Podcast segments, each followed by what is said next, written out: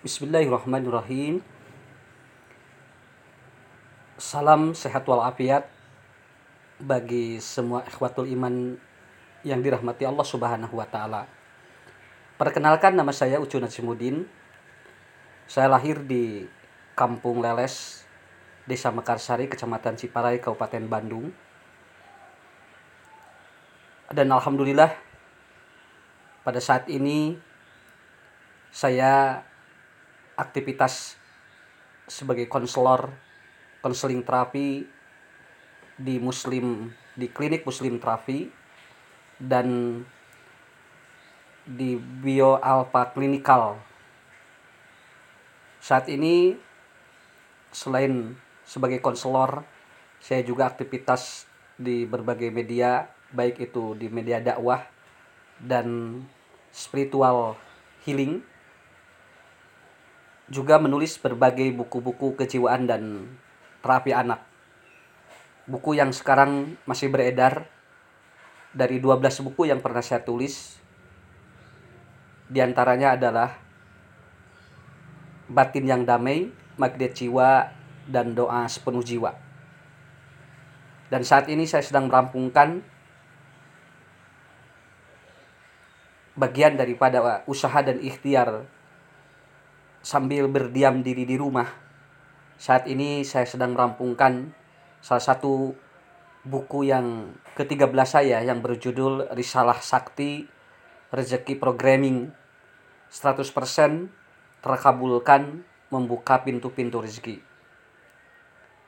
Dan alhamdulillah mudah-mudahan dengan program dan aktivitas yang saya sampaikan dengan latar pendidikan S1 saya di psikologi pendidikan dan S2 saya di manajemen pendidikan.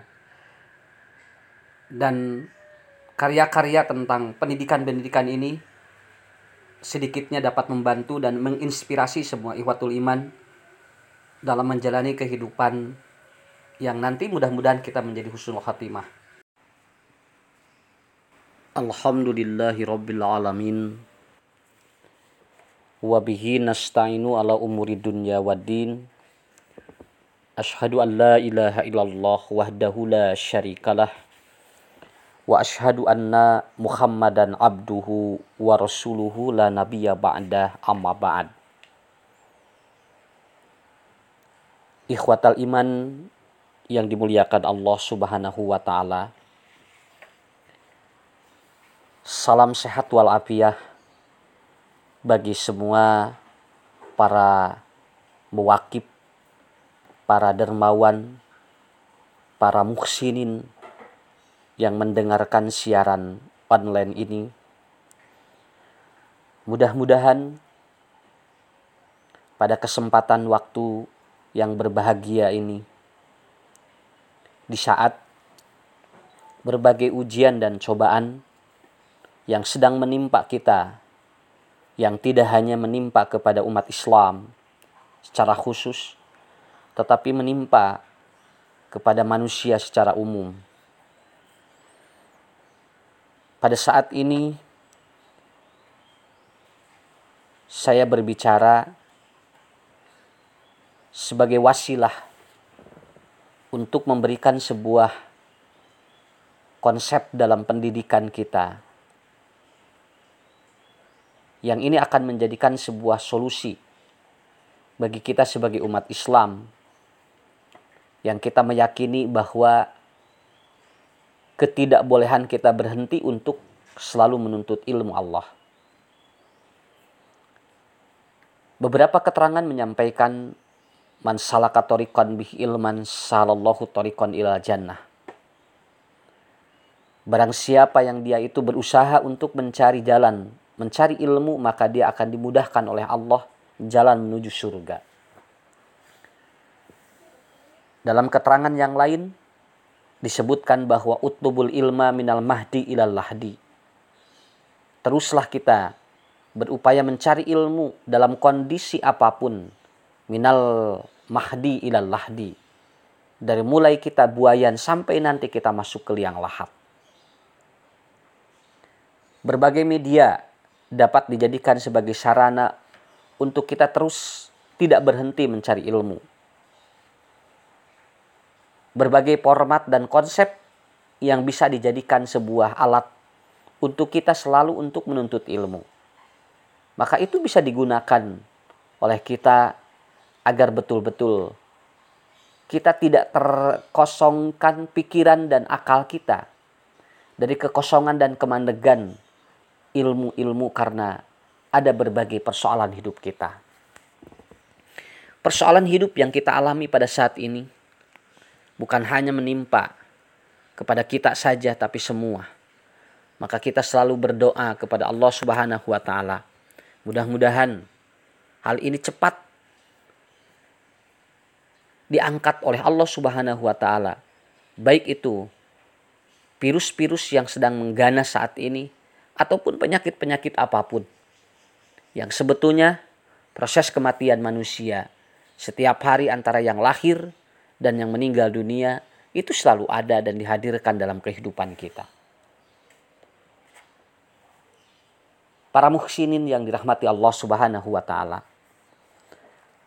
Pada kesempatan kali ini saya tidak akan fokus membahas tentang ujian musibah yang terjadi pada saat ini. Tetapi kita akan fokus kepada ujian bagaimana kita mendidik anak kita. Dalam hal proses edukasi at-tarbiyatul aulad. Bagaimana mendidik anak dalam keadaan-keadaan tertentu, dalam keadaan-keadaan baik kita, dalam keadaan sulit ataupun kita dalam keadaan dimudahkan oleh Allah Subhanahu wa taala. Karena kita tidak bisa mengabaikan apa pun masalah yang kita hadapi, tetap kita tidak boleh mengindahkan sebuah proses edukasi dan pendidikan terhadap keluarga kita.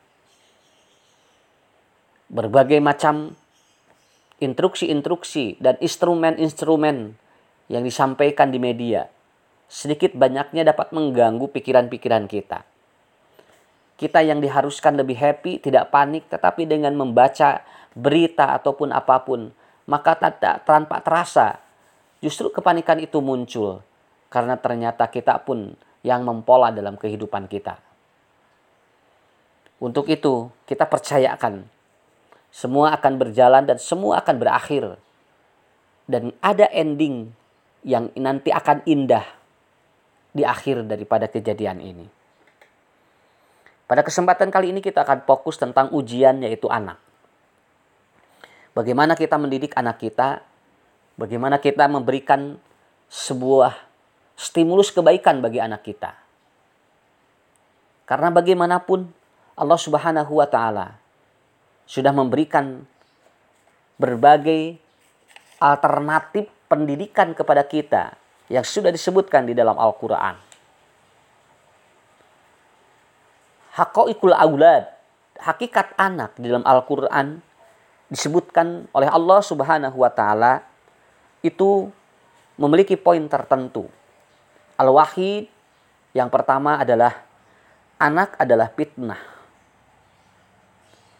Al-Quran surat Al-Anfal surat yang ke-8 ayat 28 dan surat At-Tagobun surat ke-64 ayat 15. A'udzubillahi minasyaitonir rajim. Wa'lamu annama amwalukum wa auladukum fitnatun wa annallaha indahu ajrun azim. Innama amwalukum wa auladukum fitnah wallahu indahu ajrun azim. Para muhsinin yang dirahmati Allah Subhanahu wa taala. Hakikat anak yang pertama adalah anak adalah fitnah, anak adalah ujian.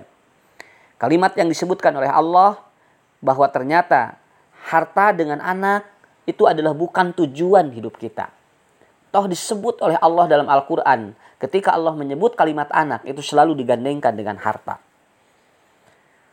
Hampir beberapa tempat ketika Allah menyebut kata harta, maka Allah pun menggandengkan dengan kata anak.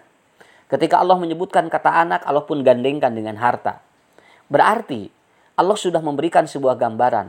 Tujuan kita berumah tangga, tujuan hidup kita. Bukan hanya semata-mata kita mencari harta, bukan semata-mata kita untuk mencari anak, tetapi ketika Allah titipkan ini, maka kita harus siap. Karena oleh Allah sudah disebutkan innama amwalukum wa auladukum fitnatun. Dalam dua surat ayat Quran ini, baik Al-Anfal ayat 28 dan surat At-Taghabun ayat 15, narasi yang dipergunakan oleh Allah adalah kalimat amwal dan auladukum itu kemudian dibubuhi dengan kata fitnatun, kata fitnah.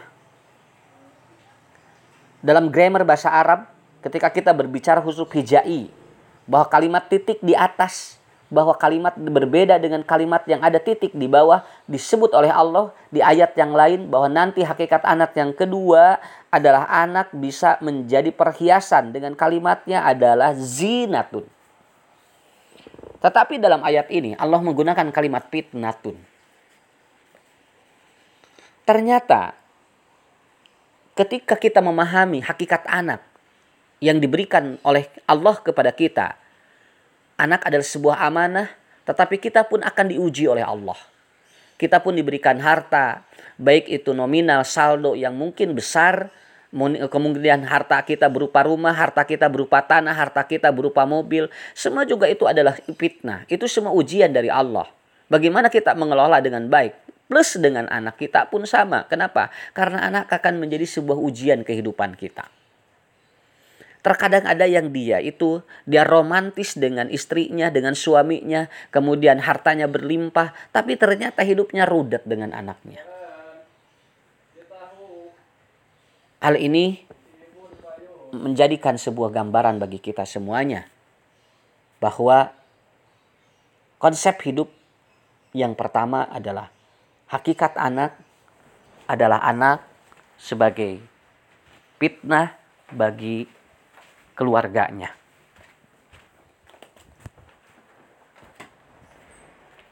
Nah, dalam hal ini, ketika anak itu disebutkan fitnah oleh Allah Subhanahu wa Ta'ala, maka kita harus siap, karena nanti yang disebut dengan ujian itu harus ada sebuah jawaban, dan ketika kita lulus dari sebuah ujian itu, itu akan mendapatkan nilai dari Allah Subhanahu wa Ta'ala. Tetapi nilai ujian itu dipengaruhi oleh tingkat leveling keimanan kita. Kenapa? Karena ketika kita berada pada level kelas 1 berbeda nanti ujiannya dengan ketika dia kelas 2 berbeda dengan kelas 3, berbeda dengan kelas 4, sampai ninta ketika lulus akhir dari SD, dia akan berbeda dengan ketika lulus SMP, kemudian dia akan berbeda dengan lulus ke tingkat SMA, lalu setelah dia kuliah pun nanti akan tingkat ujiannya akan berbeda-beda. Dan ini, ujian itu semakin berat dengan pelajaran yang diterima oleh kita. Tidak mungkin Allah kasih ujian kalau yang belum pernah dipelajari oleh kita. Artinya, apa pun nanti anak dan harta kita akan menjadi ujian bagi kita, akan menjadi fitnah bagi kita. Tetapi yang sesuai dengan kemampuan yang sudah dipelajari oleh kita. Jadi kita pun tidak perlu takut bahwa nanti ketika ada sebuah kenakalan, ada sebuah ataupun ada sebuah masalah di anak kita, kita tidak perlu takut. Kenapa? Karena tidak mungkin Allah akan memberikan sebuah soal ujian bagi kita kecuali yang pernah dipelajari dalam kehidupan kita.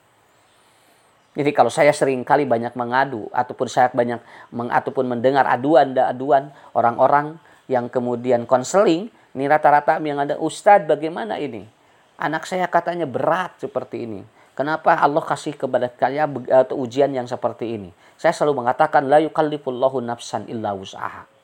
Jadi nggak mungkin Allah kasih ujian pada anak kita kecuali kita mampu karena apa? Karena tidak ada soal ujian yang tidak pernah dipelajari oleh kita. Toh kalaupun nanti ada poin-poin yang belum pernah kita pelajari, minimal kita sudah diberikan sinyal oleh Allah Subhanahu wa taala. Jadi poin yang pertama adalah anak adalah ujian bagi kita. Yang kedua adalah anak adalah musuh.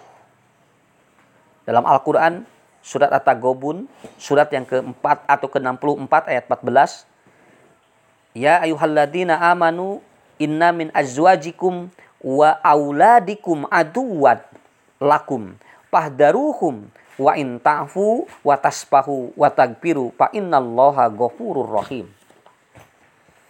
Poin yang kedua adalah anak adalah apa? Anak adalah musuh. Kalau musuh berarti kita harus berhadapan. Baik itu musuh dalam pola pikir, baik musuh dalam fisik ataupun musuh dalam konsep ber, ataupun konsep kita memahamkan dalam sesuatu. Kalimat aduan, kalimat aduun di dalam Al-Quran ataupun dalam hadis itu dipresentasikan menurut ahli bahasa adalah musuh yang terkadang bukan seperti kita berhadapan dengan musuh dalam sepak bola, musuh dalam pertandingan apa pun, ataupun musuh dalam peperangan. Kalimat aduun itu dipresentasikan untuk sebuah musuh yang terkadang dia itu ada dalam kehidupan kita dan setiap hari kita bertemu tetapi dia akan musuh dalam berpikir kita, musuh dalam pola pikir kita. Terkadang kita mengajak anak mengajak anak untuk beribadah ke beribadah, kemudian anak kita melawan. Terkadang kita mengajak anak untuk tolabul ilmi, anak kita melawan. Dan nanti akan menjadi musuh luar biasa. Min azwajikum wa auladikum. Dalam ayat surat Tagobun ayat 14 ini, musuh yang paling besar adalah pada saat kita akan berhadapan dengan istri dan anak kita. Kata Imam Al-Marogi dalam sebuah tafsirnya, juga kata Imam Al-Munir dalam tafsirnya, beliau menyampaikan bahwa ternyata nanti puncak musuh anak kita adalah pada saat nanti pembagian waris.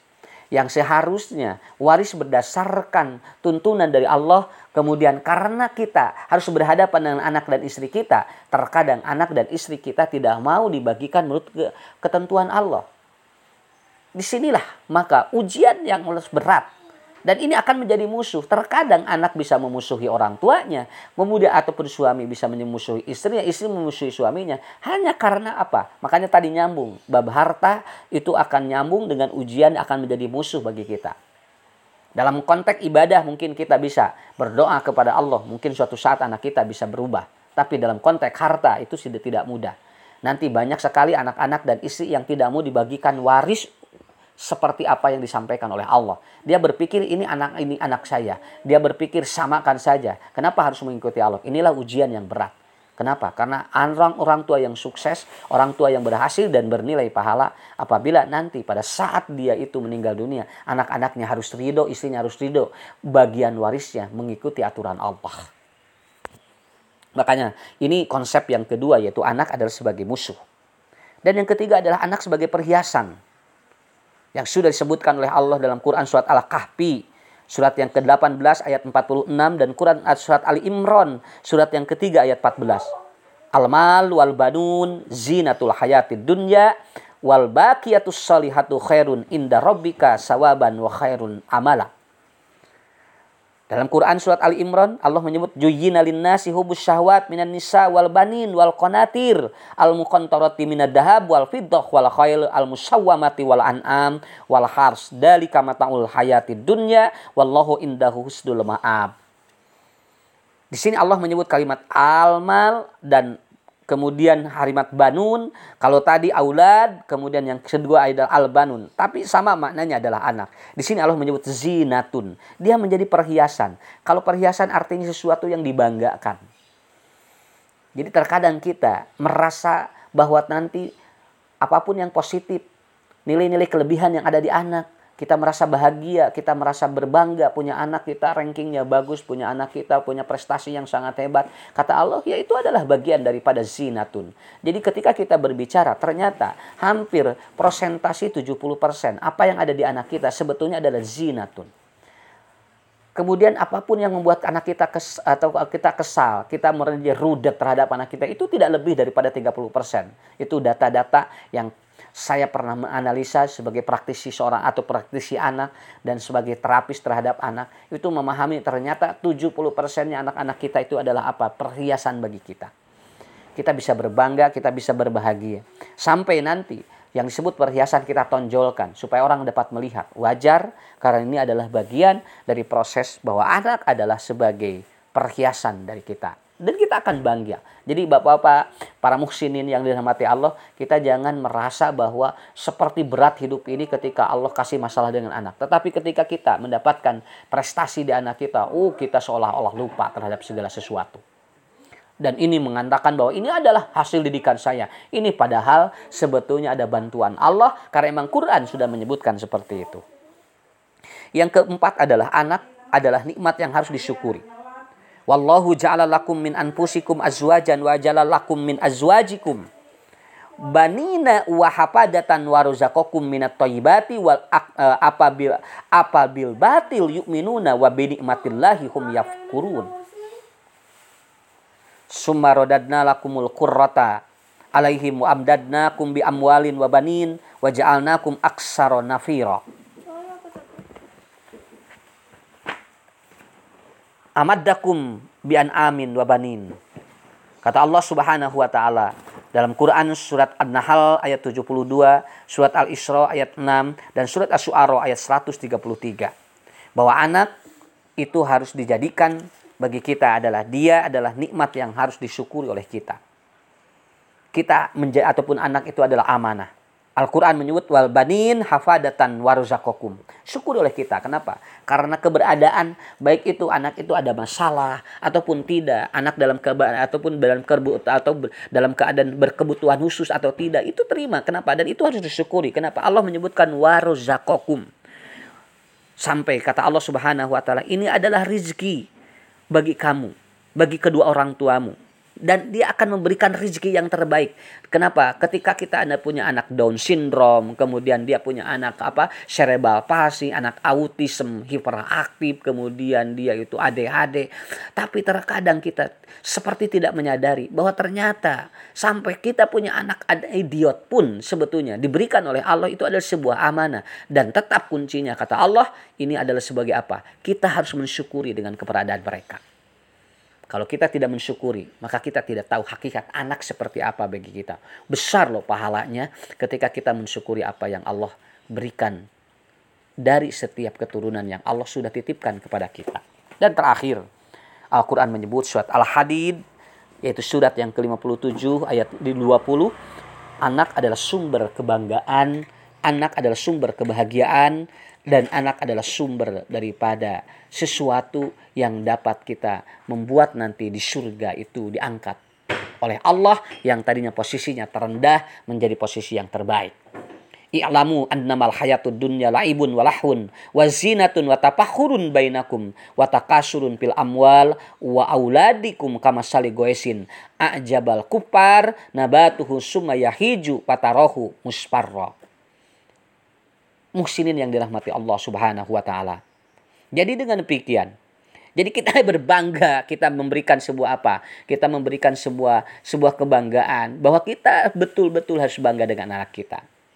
Makanya orang tua yang sukses, orang tua yang berhasil, orang tua yang dia itu memiliki sebuah jiwa yang besar, dia akan menerima hakikat anak sebagaimana yang disebutkan di dalam Al-Qur'an.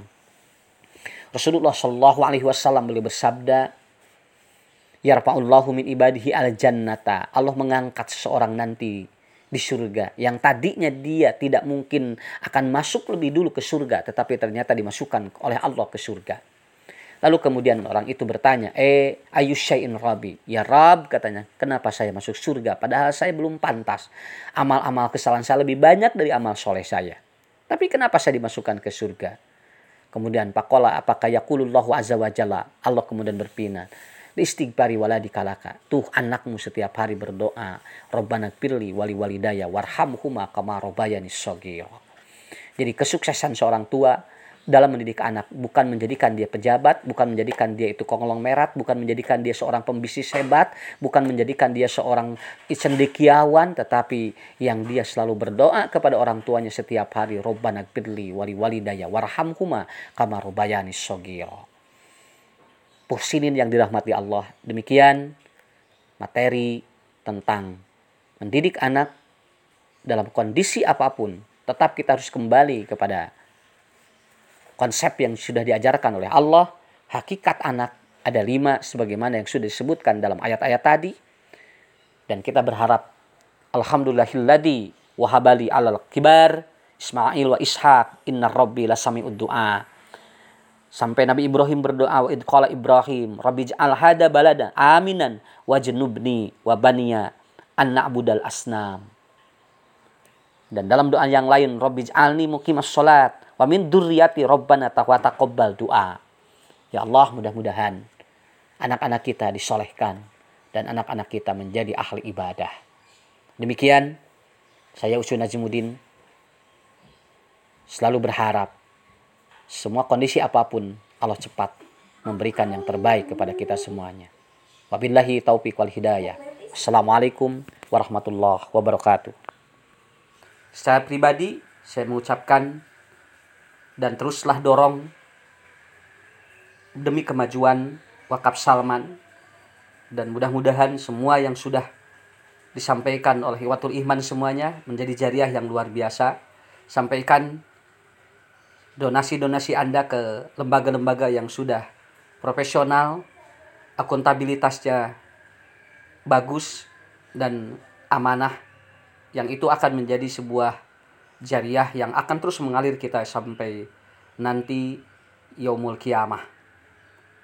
Dan nanti kita akan dikumpulkan di surga bersama dalam naungan tarbiyah as-solihah dan bentuk-bentuk daripada sesuatu yang bersifat pendidikan. Insya Allah kita akan terus share bersama Wakaf Salman. Assalamualaikum warahmatullahi wabarakatuh.